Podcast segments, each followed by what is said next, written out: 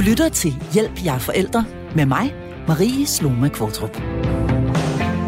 Sport er godt, sport er sundt. Punktum. Eller hvad? Som forældre til et barn, der dyrker sport, følger der meget med. Der er logistikken, det forventede engagement, de lange timer på lægterne eller i hallen, og så er der følelserne. For man kan ikke sige sport uden også at sige følelser. De to ting hænger uafvendeligt sammen. Spørgsmålet er, hvordan man håndterer sit barns op- og nedture i forbindelse med deres sport. Hvad gør vi, når skuffelserne melder sig? Hvornår skal vi fastholde, og hvornår skal vi lade barnet give op? Og hvordan styrer vi vores egne følelser og ambitioner på vores børns vegne? Alt det skal det handle om i denne uges episode af programmet her. Og jeg kan lige så godt sige det med det samme. Jeg glæder mig til panelets kloge ord, for jeg er selv mor til en dedikeret basketspiller på 11 år. Så til at gøre os klogere på børn og sport, har jeg i dag fast medlem af mit panel, børne- og ungepsykolog John Halse, med mig her i studiet. Og så har jeg med mig på en telefonforbindelse professor i sportspsykologi på Institut for Idræt og Biomekanik, samt sportspsykologisk konsulent i Team Danmark, Christoffer Henriksen. Velkommen til jer to, og velkommen til Hjælp. Jeg er forælder.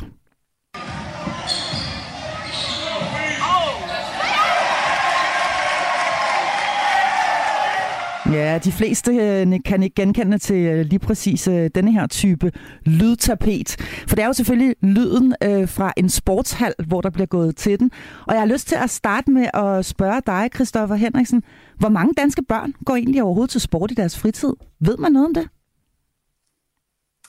Ja, det gør man. Altså, vi laver jo øh, med jævne mellemrum den her rapport, der handler om danskernes øh, motions- og idrætsvaner. Og der viser det, at hvis man sådan kigger på børn i alderen sådan 7 til, til 16-17 stykker, så er det omkring 85 procent af børnene, der går til en, en organiseret sportsaktivitet. Det er jo rigtig mange. Altså mellem 80 og 85 procent? Af danske børn. Det er jo, ja, det ligger omkring de 85 procent, ja. Det er øh, afsindigt mange, og det er jo fantastisk, tænker jeg, og, og, og gode nyheder. Øhm, hvorfor er det øh, en god idé, at børn går til sport i deres fritid? Jamen, altså, jeg tror, det er grundlæggende rigtig godt, at man som, øh, som barn og ungt menneske har noget, som man vælger til. Altså, der er jo mange gode ting i øvrigt i børnenes liv, ikke? Deres familieliv og deres skole og sådan noget, men de ting er jo mere noget, som man, man ligesom skal tage del i, kan man sige. Ikke? Øhm, sporten er jo noget, man vælger til, øh, og det gælder i øvrigt også andre fritidsaktiviteter. Det er egentlig ikke så afgørende for mig, om det lige er sport eller musik, man vælger at gå til, men det der med, at man vælger noget til, som man selv brænder for og har lyst til at være en del af, øh, det er en god øh, arena til at udvikle noget autonomi og noget, noget indre motivation og noget drive og sådan nogle ting. det, det er rigtig godt for børnene. Mm. Og hvis nu jeg, jeg kigger over på dig, John Hasse, som mm. jo altså har beskæftiget dig med børn og unge i øh, snart en menneskealder. Øh, hvorfor, øh, hvad er det så sport kan? Hvad er det, de her fritidsaktiviteter øh, kan, som, som skolen for eksempel ikke kan? Hvad er det, de tilbyder? Ja, men Christoffer er inde på, på noget af det, nemlig den der med, det er noget, jeg vælger selv. Jeg dyrker en interesse. Og sådan ud fra en psykologisk betragtning kunne man sige, når jeg vælger noget selv, så er det noget, jeg er nysgerrig efter, og så er der en chance for, øh, barnet også, eller den unge også fordyber sig i noget. Hvad kan være svært i disse tider på mange andre måder? Men så kan man også sige, at det at dyrke sport, og ja, måske også, som, som du også er inde på, Christoffer, øh, musik, det kan også give noget fællesskab. Øh, du er sammen, når vi, og nu snakker vi sport, øh, idræt i dag. Når man er sammen, især når det er en holdsport, så er der nogle spilleregler og der er nogle spilleregler, der skal overholdes. Og der er, øh, som man jo kalder det, visse holdspil, der er jo også en, en 0. og en tredje halvleg. Der er noget før, der er noget, når vi er færdige.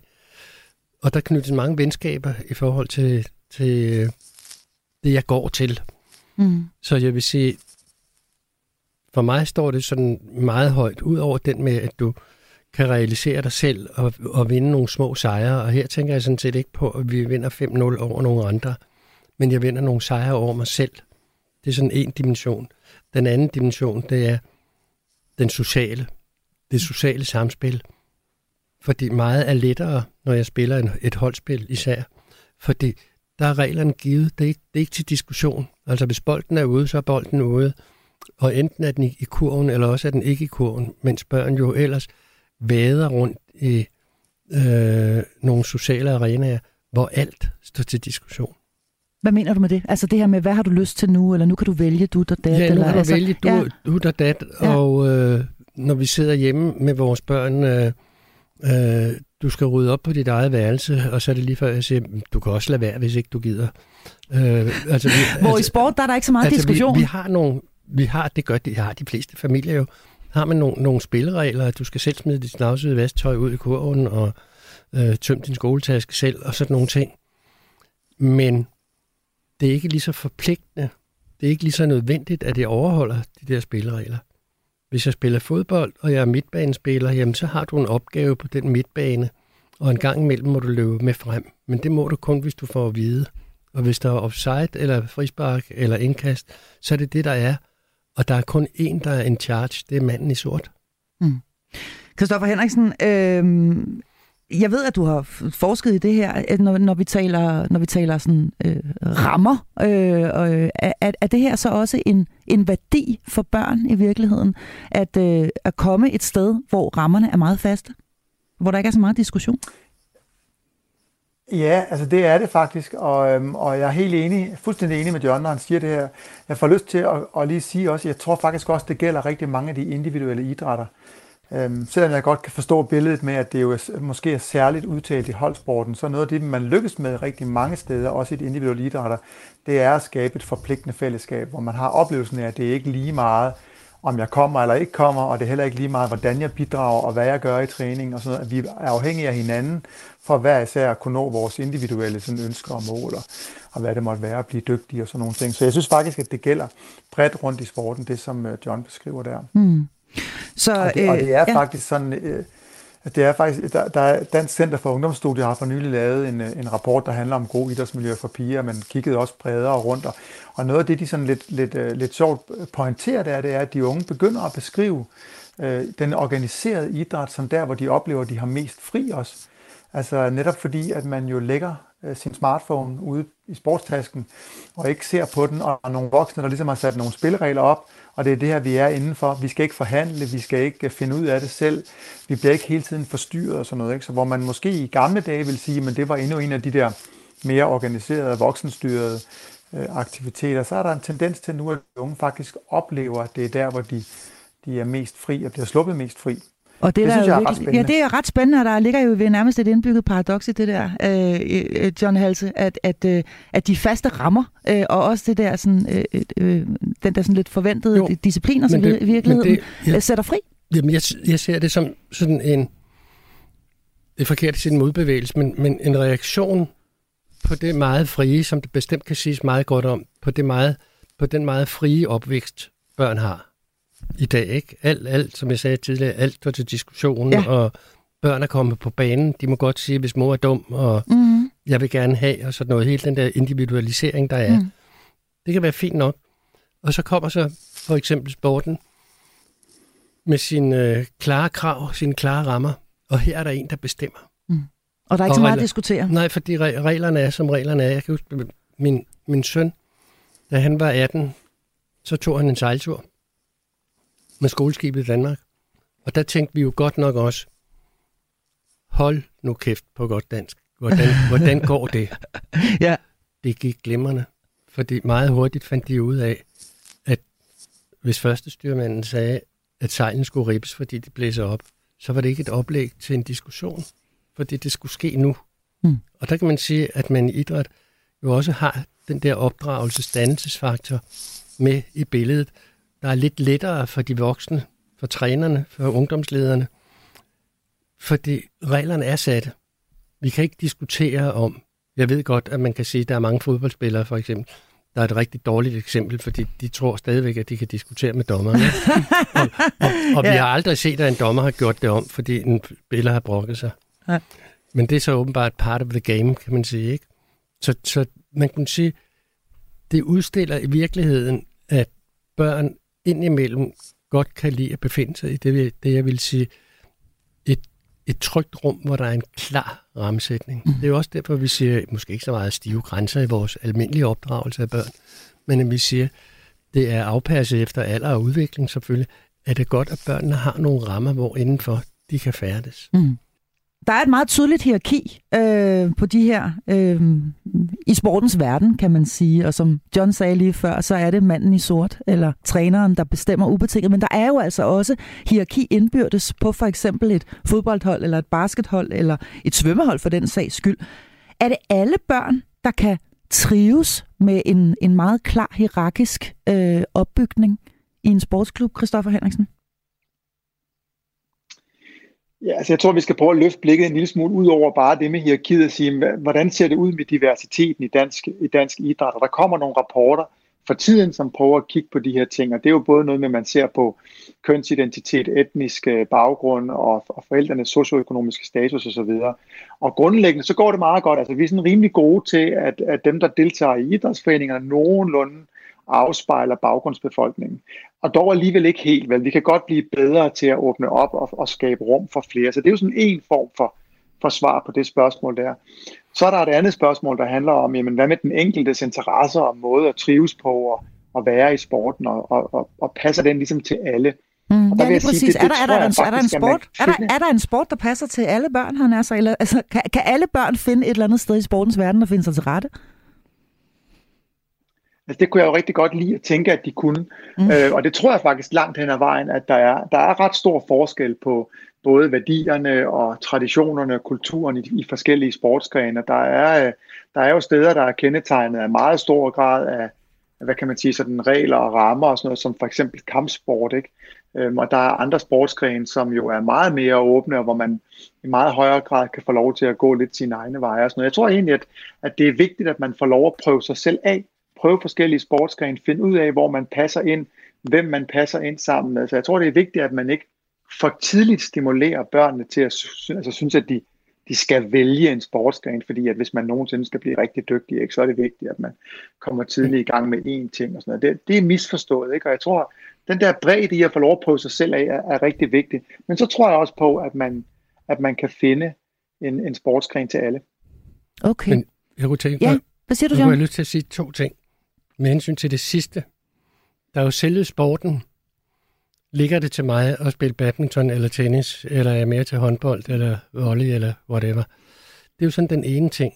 Den anden ting er også, i hvilken ramme foregår det? Altså, ja, hvem, er, hvem er kammeraterne? Mm. Det er der, det sociale tema kommer på banen igen. Ikke? Hvordan er træneren? Øh, og jeg kunne være nok så interesseret i en sport, hvis træneren er en umulius så hopper jeg af. Det andet, jeg vil sige, det var det der med hierarki. Der tror jeg, man skal, det er sådan en, en gruppe- eller socialpsykologisk øh, ting, at man skal skelne imellem. Når vi siger hierarki, hvad snakker vi så om? Der er et magt, der er sådan, man skælder imellem sådan et magtbetinget, magtfunderet hierarki. Jeg er øverst, fordi jeg kan tæve jer andre, for mm. eksempel. Ikke? Mm. Så er der et funktionelt hierarki. Jeg ligger øverst, fordi jeg er den bedste. Og det kan børn godt finde ud af. Jeg, jeg ved godt, jeg ved godt, at Malte er den bedste boldspiller. Du ser det også i, på, på højt eliteplan. Der er på det danske fodboldlandshold, så vidt jeg kan se, der er klart det, man vil kalde et funktionelt hierarki. Alle er med på, at Simon Kjær og Christian Eriksen er på toppen af hierarkiet. Det er, mm. Jeg kan se på min studievært, hun aner ikke, hvad jeg snakker om. men, Nej, men, var det afslørende. Men, men, men det er to højt rangerede fodboldspillere, ikke? Mm. Og der ja, er ikke ja, nogen... Det, det, ved, og, det ved jeg godt, John. Ja, okay. Men, men, men de ved og, godt indbyrdes, hvem det, der, der ligger og, hvor i hierarkiet. Og det ved børn også. Ja. Det ved de også i det deres skoleklasse. De ja. øh, hvem, hvem kan hvad?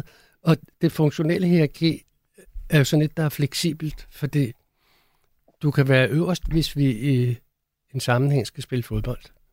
Men det er ikke sikkert, at du er øverst, når vi har matematik. Nej. Så kan det være, at det er en anden. Det er det funktionelle, der ikke, der ikke er baseret på en eller anden magtplatform, men er, passeret, sådan er, er placeret ind i forhold til, hvad du er og hvad du kan. Mm.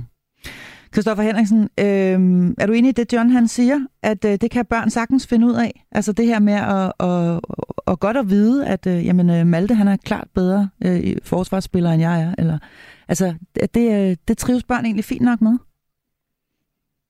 Altså, det er meget, meget nemt for børn at opfatte, hvem det er, der er de gode, og hvem der er, der, der er gode til hvad også, ja. øh, når man er i sådan en, en sportssammenhæng, fordi det er så direkte målbart, ikke? Jo. Og, øhm, og jeg er helt enig i, at det, det, det er aldrig en barriere øh, for børn, for, for deres deltagelse, lige præcis den del af det.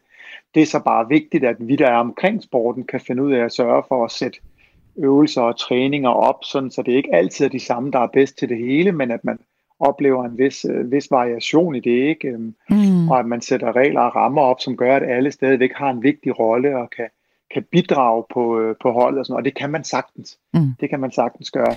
Jeg tror, det der er afgørende er, at vi ikke kommer til at tro, at vi som voksne skal gøre en indsats for at skabe de der hierarkier noget ekstra, ikke? altså ved at udtage A og B og C hold og have første og anden og, og altså alle de her ting, det, det, det er egentlig ikke, det er overhovedet ikke nødvendigt. Ungerne ved det godt. Men det gør man jo ikke desto mindre alligevel, og det skal vi altså tale meget mere om, hvad, også hvad det gør ved vores børn. Jeg kunne egentlig godt tænke mig lige at blive hængende lidt ved det, du øh, er, er, er lidt inde på her, øh, Christoffer Henriksen.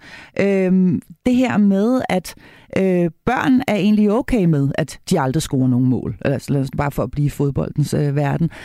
Men det kan faktisk være ret hjerteskærende som forældre at være vidne til, at, øh, at ej, nu er det igen ham der, der løber i den forkerte retning og aldrig rammer bolden og sådan noget, og han klodser rundt derude på banen og så videre. Når vi taler sport, og det sagde jeg også i min indledning, så kan vi jo ikke øh, lade være med også at tale følelser. Og, og øh, det vi skal i gang med at tale om nu, jamen, det er forældres rolle i børns sport. Øhm, hvis du skal sætte et par overskrifter på det, Kristoffer Henriksen, hvad vil de så være? Forældres rolle. Jamen, jeg synes jo, der, der, ja, der er blevet forsket en del i det her, ikke? Altså med forældrenes øh, rolle og hvordan de er i ungdomssporter. Mm. Der er sådan en række retninger inden for det, og nogle af dem handler jo om, hvordan man er en god forælder og noget.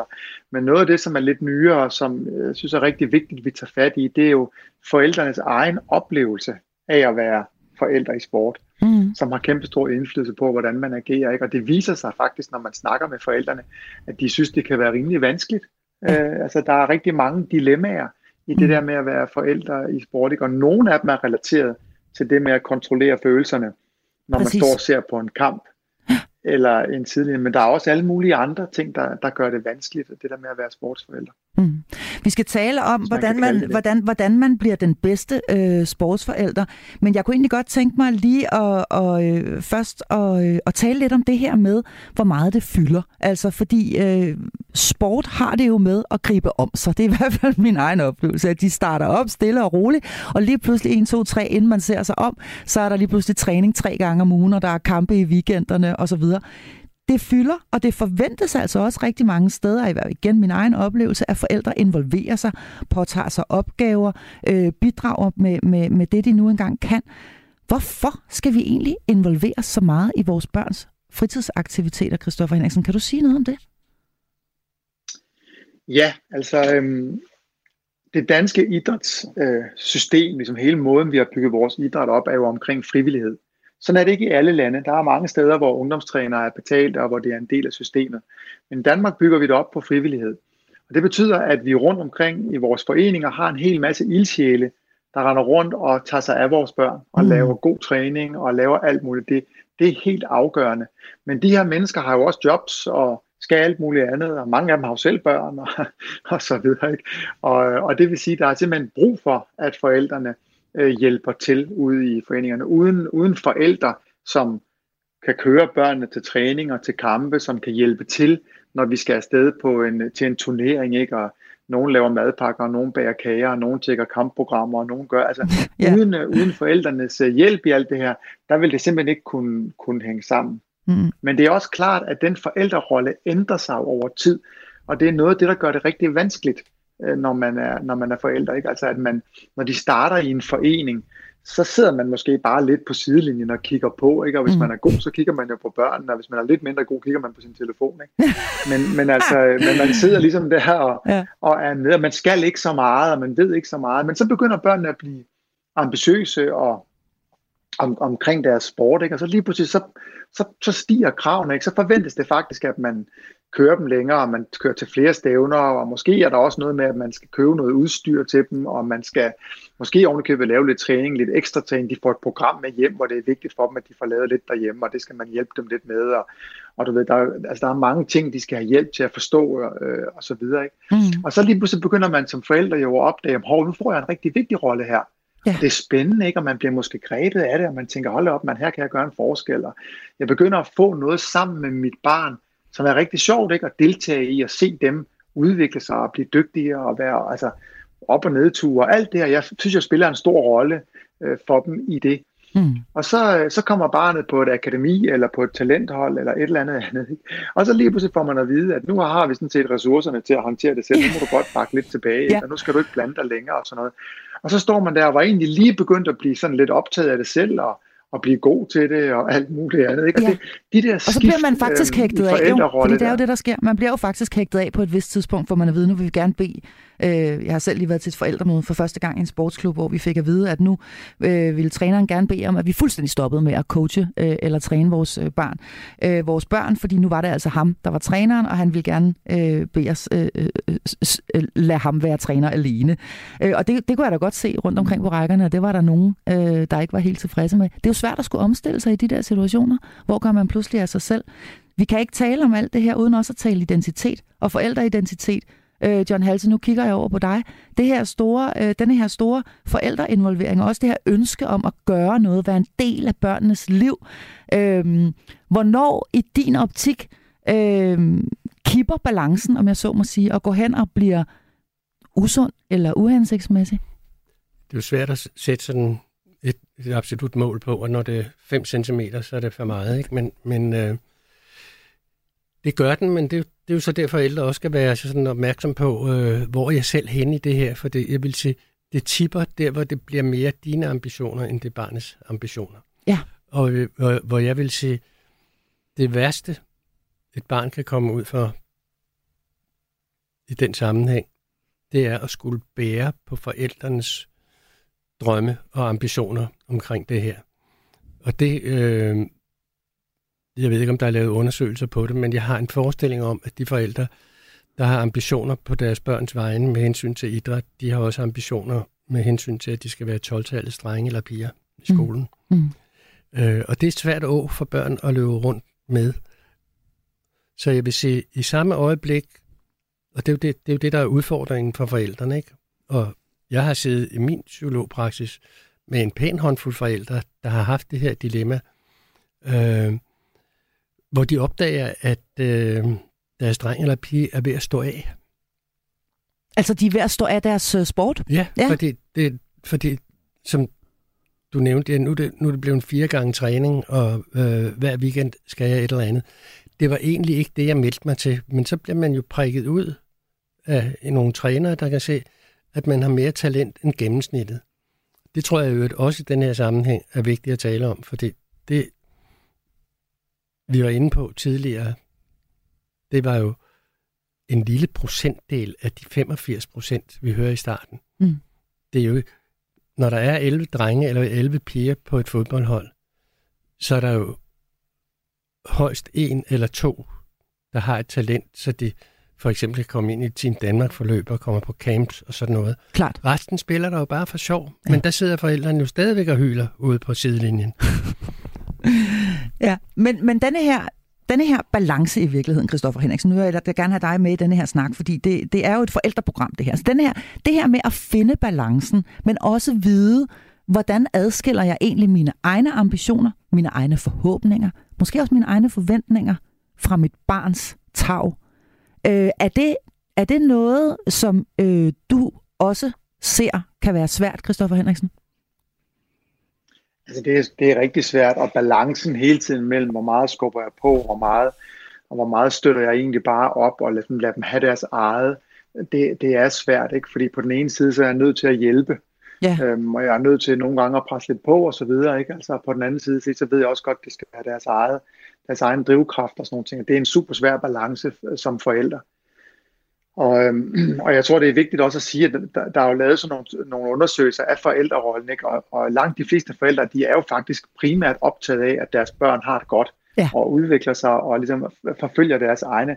Men det er jo ikke alle, der altid husker det, når de står på sidelinjen. Ikke? Men jeg synes ikke, at det giver så god mening at snakke om dumme forældre, og du ved, alt det, de gør forkert og sådan noget. Jeg tror, det giver mere mening at prøve at snakke om, hvordan er det at være forældre, og, øhm, og hvordan kan vi hjælpe forældrene til at huske sig selv på, hvem drømmer jeg om at være i, i min barns sport, hvordan vil jeg egentlig gerne være, hvad er det for nogle værdier. Mm. Men når man så, står på sidelinjen for eksempel, og er dybt ambitiøs på sine børns vegne, og der sker alt muligt inde på banen, så bliver man jo nervøs, og man bliver grebet, og man bliver alt ambitiøs, og man bliver alt muligt andet som forældre, mens man står der. Mm. Og børnene, de løber det jo af sig. De spænder jo så hurtigt, at noget af den der kilderne i maven, den forsvinder helt automatisk. Men det gør den ikke for forældrene. Og det, det, de, der er altså nogen, der har meget svært ved at håndtere det der. Og så ender de i, i nogle roller, som de heller ikke selv på forhånd havde sagt, at jeg kunne godt tænke mig at være sådan der. Ja, jamen jeg tænker bare på, når nu en, en, en, en, en ny træner på et øh, baskethold for 11-årige drenge øh, specifikt øh, beder om, at man, at man forholder sig sådan nogenlunde roligt ude på sidelinjen, og man i hvert fald ikke sidder og, og, og, og ligesom coacher sit barn øh, så må det jo være fordi, mm. det er noget, der er en erfaring med, så må det være fordi, at han mener, at det, at, at, at det skal siges. Så det må jo alt andet lige være, være, være noget, som, som I oplever derude i, øh, i foreningerne. Øhm, vi skal, og det er ja, det også, ja, altså det ja. er det også, men det er en lille smule tidligt, synes jeg, som 11-årig. Altså det er som regel til, at det er lidt senere, at man bliver bedt om at, at, at bakke en lille smule tilbage. Jeg vil gerne sige, når man sådan spørger forældre, hvornår de bliver frustreret, så siger de, jamen det er, når trænerne virker uforberedt, eller gør meget stor forskel på børnene og sådan nogle ting. Ikke? Mm. Og når man spørger trænerne, hvornår de bliver frustreret over forældrerollerne, så siger trænerne, jamen det er, når de blander sig i mine positioner og underminerer mit, ved ligesom at komme med ja. andre input, mens vi træner. Præcis. Men det er også, når de ringer midt i aftensmaden. Og, altså, så der er sådan nogle lister der af ting, som, som vi hver især har svært ved, og det, og det tror jeg da bare er vigtigt, at man får snakket om det. Ja, så på den måde er, øh, kan, hører jeg dig sige, at forældremøder i vores sportsklubber faktisk er en god idé. Er det rigtigt, Christoffer Henriksen? At det, det kan være en god idé at holde de her, også for simpelthen at for forventningsafstemme. John Halse, du sidder og Jamen, markerer... Jeg tænker på, det er jo i virkeligheden, vi har de der to grupper. Trænere på den ene side, forældre på den anden side. Og jeg, stiller, jeg vil stille det sådan, som måske et retorisk spørgsmål. Er det egentlig ikke lidt det samme, der er i spil, når vi siger, hvad er min rolle i forhold til min børns skolegang? Du skal gå foran og hjælpe dine børn, mm. og så er der nogle sammenhænge, hvor du i øvrigt skal holde dig i baggrunden, kunne man sige. Ikke? Det, det er jo sådan den ene ting. Den anden ting, det er, træneren kan noget, som du ikke kan. Ja. Ligesom læreren. Altså, læreren tager jo også den dialog, ikke? Når, når forældrene begynder at sige, sådan blev jeg ikke undervist, da jeg gik i skole for 30 år siden. Nej, men der er også gået 30 år. Og, og jeg er en anden lærer, og så videre, og så ja. videre. Ikke? Ja. Altså den der med, og, og det, er jo, det er jo en udfordring, kunne man sige. Også og er du ikke også, og blander udenom? Også for, også for træneren, at, at få den der gode dialog med, at uh, hmm. det måske også er en uhensigtsmæssig sammenblanding af en rolle som forældre og blande der ind i det som træner. Hmm. Der er jo skrevet masser af historier i idrætten, hvor fædre synes, de skal være træner for deres børn. Det er hmm. ikke altid med lykkelig udgang. Nå, men altså, øh, jeg synes lige, at for at komme rigtig i stemning, så skal vi lige have sådan en her.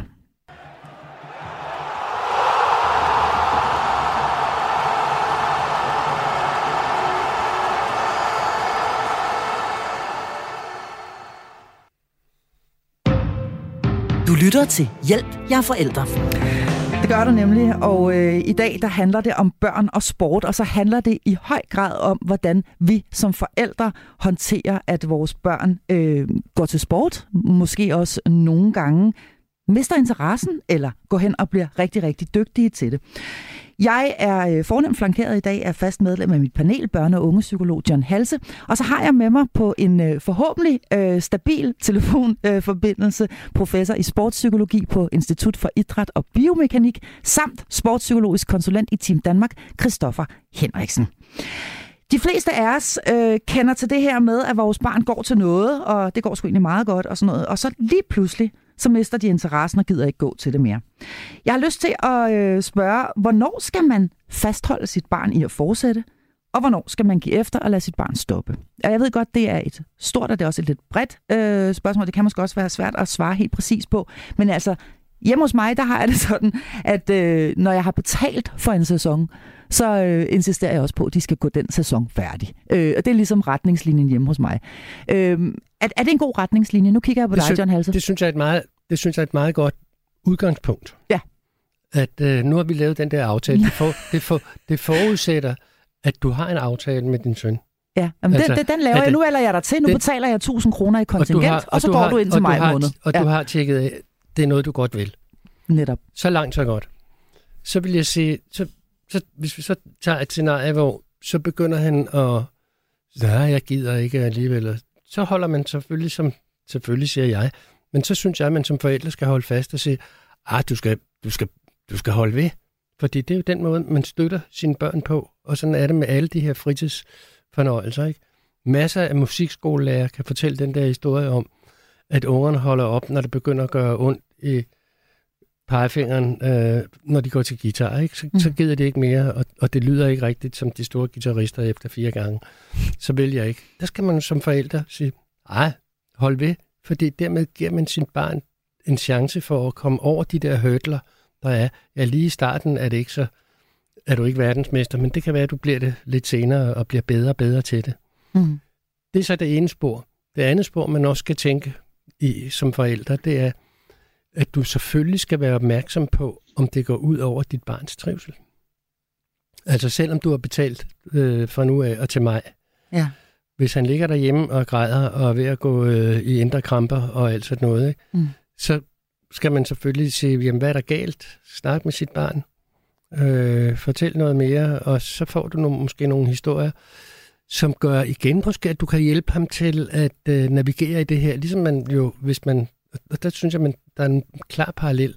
Børn vil også jamre sig ind imellem over noget, der foregår i skolen. Ja. Så tager Jeg man gider som, ikke matematik. så, så Ja, tager man for som eksempel. forældre den der nødvendige dialog ikke, med, med ja, dels at jeg, jeg synes, du- du skal blive ved, og når det er i skolen, så er det sådan mere ja, imperativt. Du skal, altså det, det er en skalregel, at du skal gå i skole. Men fortæl mig, hvad det er, du synes, der er svært. Hvad kunne du gøre, når træneren siger sådan? Hvad kunne du gøre, hvis de andre på holdet gør sådan eller sådan? Eller hvad kunne du gøre, fordi du bliver forstyrret af de der forældre, der står og skriger ude på sidelinjen? Der kunne være mange dilemmaer i det. Det kunne også være, det ville det næppe være, når han er 11, men det kunne også være, når han er blevet 14-15 år. At det er fordi, der er nogle andre dagsordner i den 15-åriges liv. Altså Der fylder. sex og rock and roll og, fe- og, og, og fester, ikke? Og, og, og, og de står måske ikke på dagsordenen over i idrætsklubben. Mm. Christoffer Henriksen, jeg skal lige have dig på banen her også. Et, øh, du startede indledningsvis med at sige, at det er godt med et barn, der snuser til alt muligt forskelligt og finder ud af, hvor det egentlig hører til hen i sportens verden. Men det kan vel også gå hen og blive for meget, altså hvis de starter op til noget øh, øh, hver evig eneste sæson og stopper igen, eller hvad?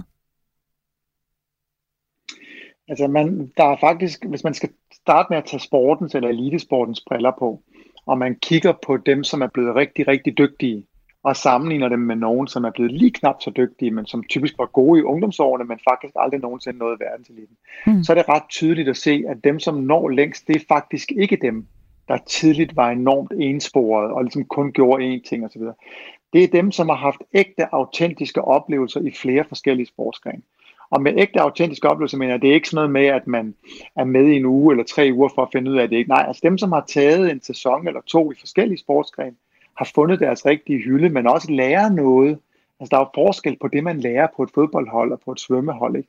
Det ene sted lærer man muligvis fællesskab, og det andet disciplin, eller hvad det nu kan være for nogle ting. Mm. Så derfor så, så siger jeg, at det er godt det der med at prøve noget forskelligt.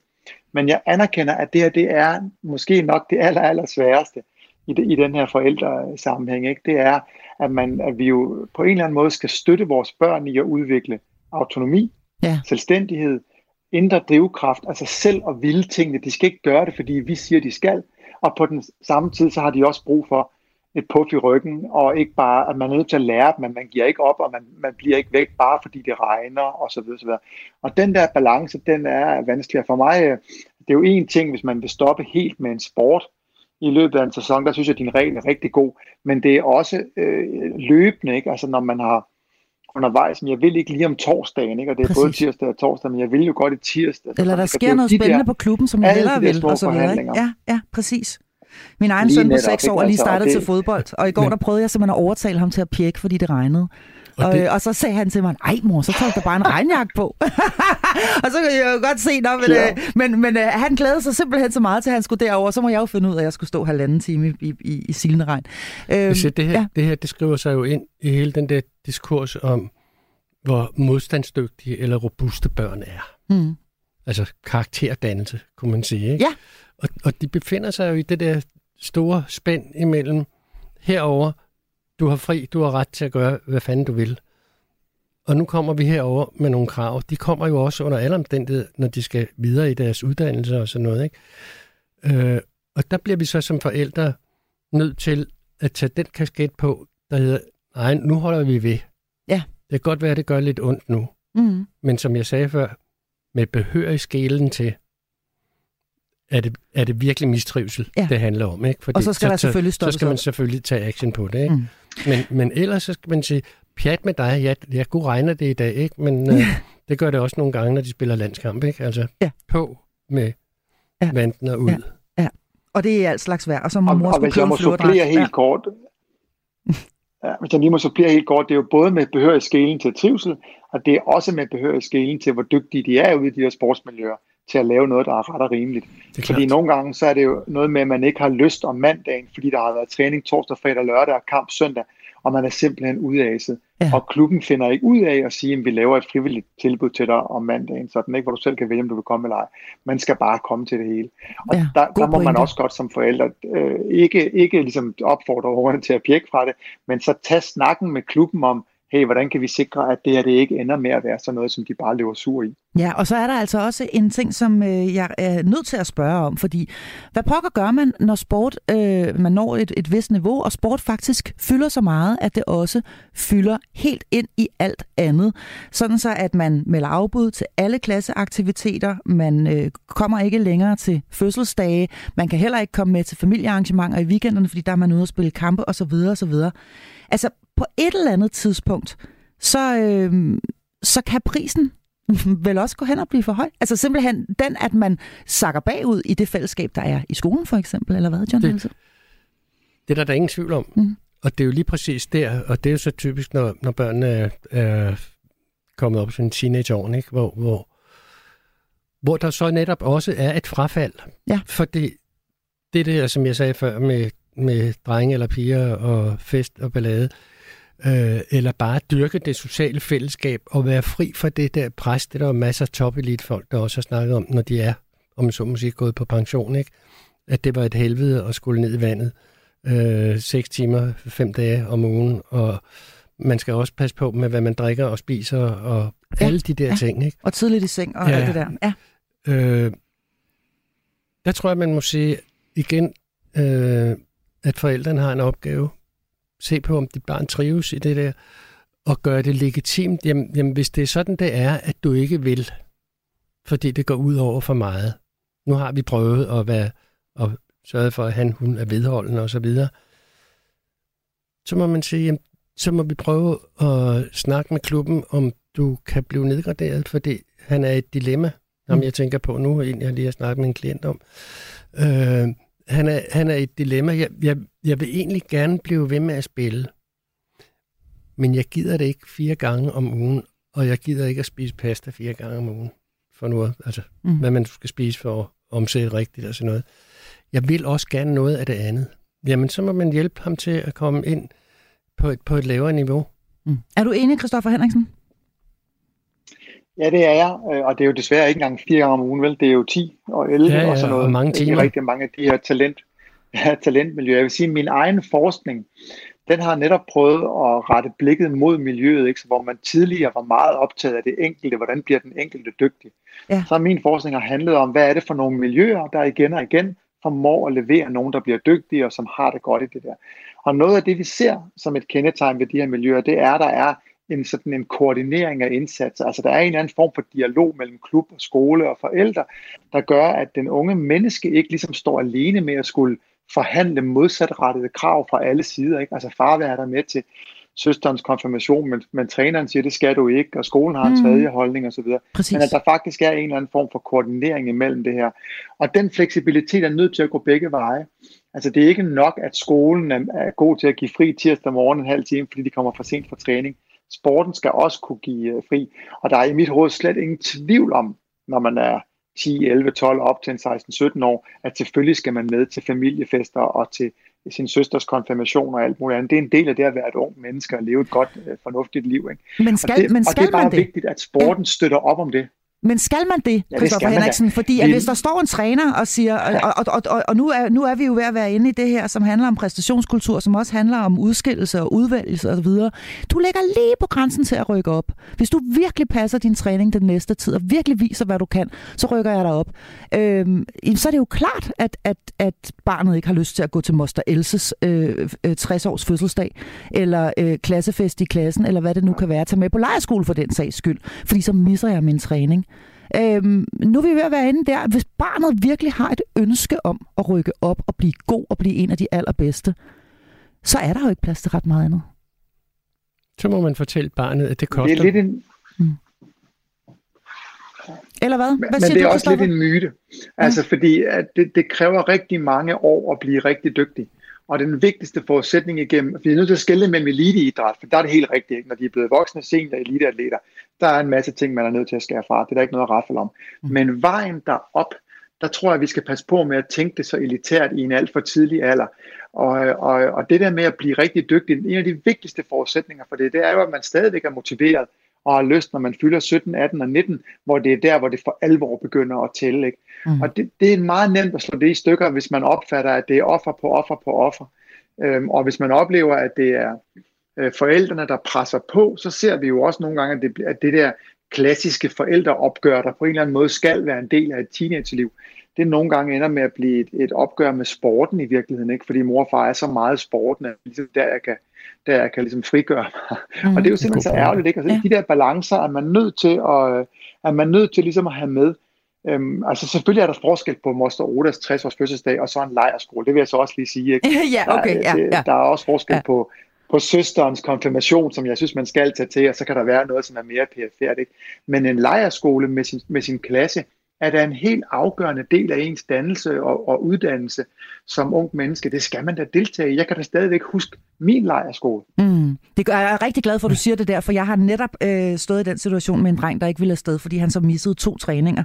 Og jeg sagde, det skal du, og det er ikke til diskussion. Det gider jeg slet, ikke, det gider jeg slet ikke diskutere. Du sidder og markerer, Ja, ja, det, John er, Hasse. det, det er bare for det, det er jammerlige i den situation, hvor en træner siger, jamen hvis du lige giver den Van Kohl mere, så kommer på førsteholdet, og så kan det være, at og så kan du blive Team Danmark-elev på gymnasiet, og Mhm. bla bla, alle de der ting.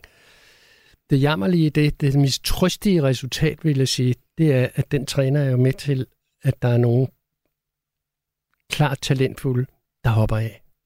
Simpelthen fordi presset bliver for stort, ja. eller hvad? Ja. Ja. Så øh, det her pres, det, øh, det, det, det er der jo. Og, og vi kan jo heller ikke komme udenom, at der hersker en præstationskultur. Måske særligt, det ved du meget mere om, end jeg gør, Christoffer Henriksen, i visse sportsgrene, og sikkert også i visse øh, foreninger. Hvordan støtter vi som forældre bedst vores børn, så de ikke knækker i den præstationskultur? Altså nu er vi inde på noget af det, og det er det her med faktisk også at vælge for dem i nogle situationer, som du lige var inde på her, øh, Christoffer, at sige, den der lejerskole, det skal du, det er en del af din dannelse, der er ikke noget at diskutere, resten af det kan vi tale om osv. Øhm, hvordan støtter vi dem ellers bedst muligt, så de ikke knækker eller går hen og bliver meget stresset? Altså nu siger du selv, at vi skal nogle gange vælge for dem. Mm. Altså, det skal vi jo som forældre. Vi skal tage førerkasketten på, Ja. kan man sige. Ikke? Og sige, det bestemmer jeg. Øh, jeg kan godt se, at øh, du er god til at spille ditten eller datten, men du skal simpelthen ikke gå der mere end to dage om ugen.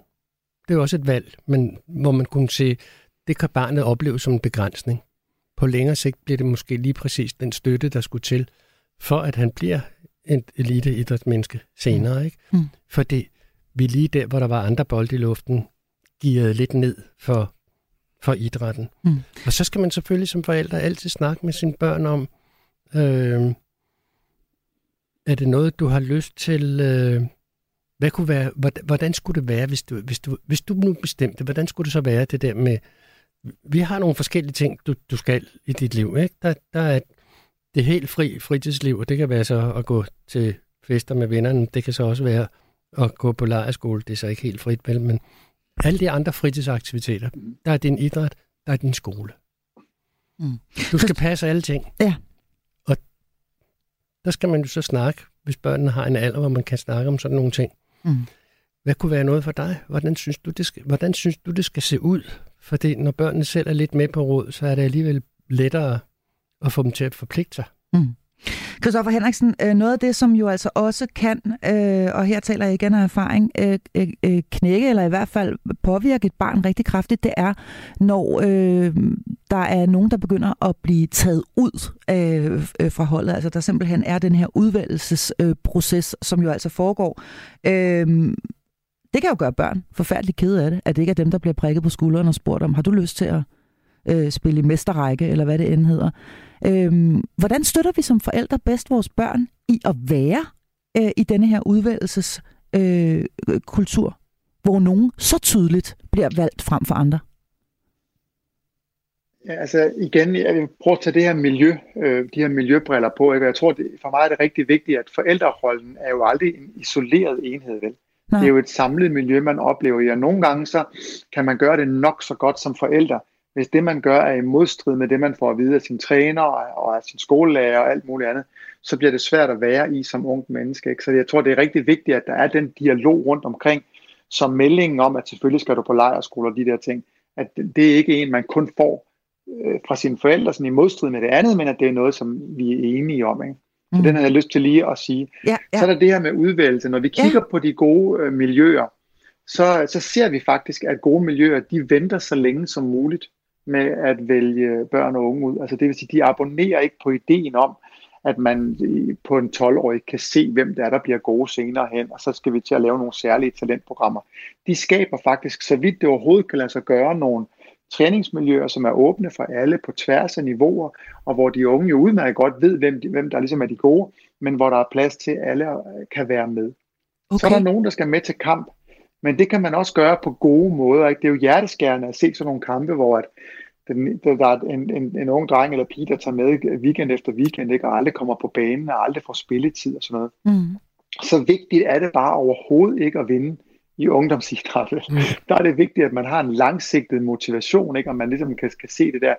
Så det vil sige, at man er nødt til at sørge for at bygge nogle mønstre op, hvor alle er med, alle føler, at de bliver hørt, alle bidrager øh, på holdet, ikke? Og, at man, og det man kan gøre som forældre er jo også at lade være med at bruge øh, selektion og resultater og sådan noget som sådan en målestok for, hvor meget børnene er værd, og hvor godt det går dem og sådan noget. Mm. Men at snakke om, hvad de lærer, ikke? og hvad de er optaget af, og hvad de godt kan lide, og hvem de synes, der er hyggeligt at være sammen med. Og altså sådan, have et helt andet blik på det der med at være barn i idrætten, end, at, end det der eliteblik, der sniger sig ned i ungdomsårene, hvor man ligesom mest spørger ind til resultater og, og sådan noget der. Ikke? Som, mm. som men, det, jo, men, men det, starter det er nemt for børnene at hoppe med på den vogn. Men nu siger du, at, at, at, at, at det faktisk ikke er nogen god idé at starte øh, udvalgelse alt for tidligt, og, og du, du sætter en eller anden form for grænse ja, ved 11-12. Ja, før, før puberteten? Nej, ja, jeg vil sige, altså, vent til puberteten, ikke? Altså, der, der er de i hvert fald i det mindste nogenlunde udvokset, fordi dem, man får øje på som de særligt talentfulde i de unge år, det ved vi også fra forskning, det er jo dem, der er 8 måneder ældre end de andre i den samme årgang. De er simpelthen lige nummer større og, og nummer mere fysisk modne, og så kigger vi på dem og tænker, de er særligt talentfulde, ikke? Men du, du kan se, altså, at hvert hold i ungdomsrækkerne, der er der en overrepræsentation af spillere, der er født i de første tre år af det selektionsår, hvad enten det så går fra august til august, eller januar januar. Det er lidt forskelligt fra sportsgren til sportsgren. Mm. Men den der, det man kalder den relative alderseffekt, den er helt tydelig. Så vi tager fejl, altså vi, vi får alligevel ikke øje på talent, og derfor så lad være med det. Tænk i, hvordan skaber man verdens fedeste ungdomsmiljø meget mere end i, øh, hvem er det, vi skal vælge til fra. Mm. Og det er jo i højere grad et bud til idrætsklubberne mm. og trænerne end til ja. forældrene, ikke? Mm. Det er rigtigt. Mm. Jeg, vil så, jeg vil så sige, der er bestemt også, og det hænger sammen med det, jeg var inde på tidligere, med om man har et funktionelt hierarki, altså nogen er bedre end andre. Der er der også bestemt børn, der har et fint nok med ikke at blive, ikke at blive valgt. Ikke aldrig at blive valgt, når vi skal ud og spille, men ikke at blive udvalgt til, at du kan blive Team Danmark et eller andet, eller på eliteholdet. Mm. Det er der masser, der har et fint med, for, det, for dem er det en en fest og en fornøjelig begivenhed, at de går til noget idræt, og mm. hvor motivet er noget andet end at blive verdensmester. Og så er det jo dejligt nok, men det kan jo ikke, øh, altså, vi kan jo ikke komme udenom, at det kan være svært at stå der, og så skal ens tre Klart. bedste venner forholdet ud og spille på søndag, og de er helt op og køre over det, og de skal følges derud og så videre, og, og, og, så er man, øh, og så er man så den fjerde kammerat, som ikke er blevet valgt, og som ikke kommer med. Jeg har lyst til at spørge dig, John Halse, hvad kan det potentielt gøre ved et barns selvværd, øh, ikke at blive valgt? Altså at stå der gang på gang, og aldrig være den, der bliver prikket på skulderen og få at vide, du skal med på søndag? Jamen, for det første vil jeg sige, og det var Christoffer også, også inde på før, det må jo aldrig være sådan, at der er nogen, der aldrig bliver valgt til at, spille, til at skulle spille på søndag. Det, det må simpelthen ikke ske. Det må ikke forekomme. For, det, for det, hvis det sker, så er der nogen øh, øh, holdledere der, der har misforstået deres opgave. Mm. Hvis det sker, jamen så, så, så er det jo indlysende, at det er da ikke så godt for hverken selvværdet eller selvtilliden. På den anden side, så vil jeg jo sige som et bud til forældrene, så, så er det måske så også der, at man skal øh, prøve at tune sit barn ind på, jamen så, så, sådan er livet også. Du kan ikke, altså, du kan ikke vinde sorte pære hver gang. Nej, og det er også og fuldstændig det, og, og det er måske det, vi har opdraget børnene til. Ikke? Og nu kommer der pludselig nogen, der siger, jamen du er ikke på. Mm. Men jeg synes ikke, det må være sådan, at der er nogle børn, der går til noget, der aldrig nogensinde bliver udvalgt til at skulle mm. spille på søndag. Så skal man kigge på, hvad det er for en sted, ens barn det skal man. Øh, går. Vi skal øh, afslutningsvis lige øh, have nogle, nogle, øh, nogle, nogle gode råd øh, til, hvordan man egentlig er den bedste sportsforælder. Og jeg ved, Christoffer Henriksen, at du i hvert fald ligger inde med et som øh, øh, øh, godt råd til, øh, til den moderne forælder. Og det er et råd, der handler om pres i virkeligheden, og hvordan man måske fuldstændig ufrivilligt, og i virkeligheden bare fordi man er enormt stolt, kan komme til at presse sit barn øh, utilsigtet, simpelthen ved at blære sig med det. Hvad, hvad, hvad er det, din pointe er i den forbindelse? ja, altså jeg vil sige, at nu, øh, nu færdes jeg jo naturligvis i nogle kredse, hvor der er mange øh, folk, der er optaget af sport. Og, og jeg ser jo også på de sociale medier, hvordan at der er en stigende tendens til, at forældre begynder at lægge kampreferater, kampresultater op på, på de her, du ved, nu, nu vandt vi den kamp, og nu er vi videre til det og det, og du ved, godt spillet, og min søn lavede to scoringer og to assists og sådan noget i den der kamp, og sådan nogle ting. Ikke? Mm. Og der er også en tendens til, at det kun er, når det går godt, altså når de ligesom vinder, ikke? ellers er der bare tavshed på linjen. Ikke? jo. Altså, øhm, ja. Og det er jo en måde at lære de her børn, hvis jeg skal være en lille smule øh, grov, at de primært har værdi, når de vinder og når de lykkes, og at det er dem, der skal give indhold til fars eller mors sociale liv. Ikke? Altså når de skal have likes og kommentarer og interagere med deres venner, så skal børnene ligesom levere indholdet. Det er enormt usundt, det der. Ikke? Og jeg, jeg, jeg tænker nogle gange over, hvad det er, de efterspørger, de her forældre, der føler, at de skal skrive, øh, skrive på den måde. Jeg tror, det, det er ret uheldigt. Jeg vil da sige, at jeg har set det, du ved, på gågaden, ikke? Altså, at så møder man nogen, ikke? og de står så og kommer med det samme kampreferat, ikke? og sønnen står sådan to meter bagved, og skal ligesom lytte som en, der har været statist i den kamp, det egentlig hele handler om. Ikke?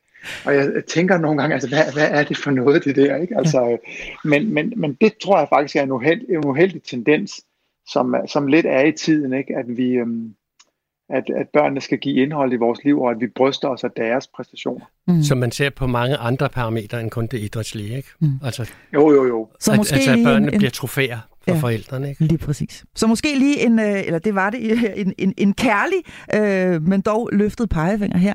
Pas lige på med det der med at blære dig alt for meget. Selvom det kommer fra et godt og kærligt sted, så kan det altså ligge unødigt pres øh, på dit barn. I det hele taget det her med, at man som forældre øh, får givet børnene et indtryk af, at de primært har værdi, når de leverer og præsterer. Ikke? Altså at man roser dem mere, hvis de sørger for at komme afsted, og hvis de giver sig i træning, og hvis de kommer på holdet, og hvis de scorer, og hvis de vinder, og alt muligt andet. Jeg tror, det man skal have derhjemme, det er oplevelsen af, at jeg er lige meget værd, uanset hvordan jeg leverer. Ikke? Mm. Altså jeg har en, en værdi, der er uafhængig af mine præstationer. Det er det, som er helt særligt, som forældrene skal give. Som sporten har svært ved at give, fordi det er jo sportens præmis, at det handler om, at man vinder og taber og sådan noget. Så den skal man have derhjemme, mm. og, det, og det tror jeg er rigtig vigtigt. Mm. Så man kan sige, anerkendelsen, at dine børn går på melodien, du er okay, selvom du ikke vinder. Lige præcis. Ej, og det var en flot afslutning på et, øh, et rigtig godt og spændende program, hvor jeg i hvert fald blev meget klogere på emnet børn og sport. Jeg havde fast medlem af mit panel, børne- og ungepsykolog John Halte, med mig her i studiet, og på en okay, i hvert fald hen mod slutningen, okay telefonforbindelse, der havde jeg øh, professor i sportspsykologi på Institut for Idræt og Biomekanik, samt sportspsykologisk konsulent i Team Danmark, Christoffer Henriksen. Det var en kæmpe fornøjelse. Mit navn er Marie Sloma Kvartrup. Tak fordi du lyttede til Hjælp, jeg er forældre. Bicycle, bicycle, bicycle. I want to bicycle,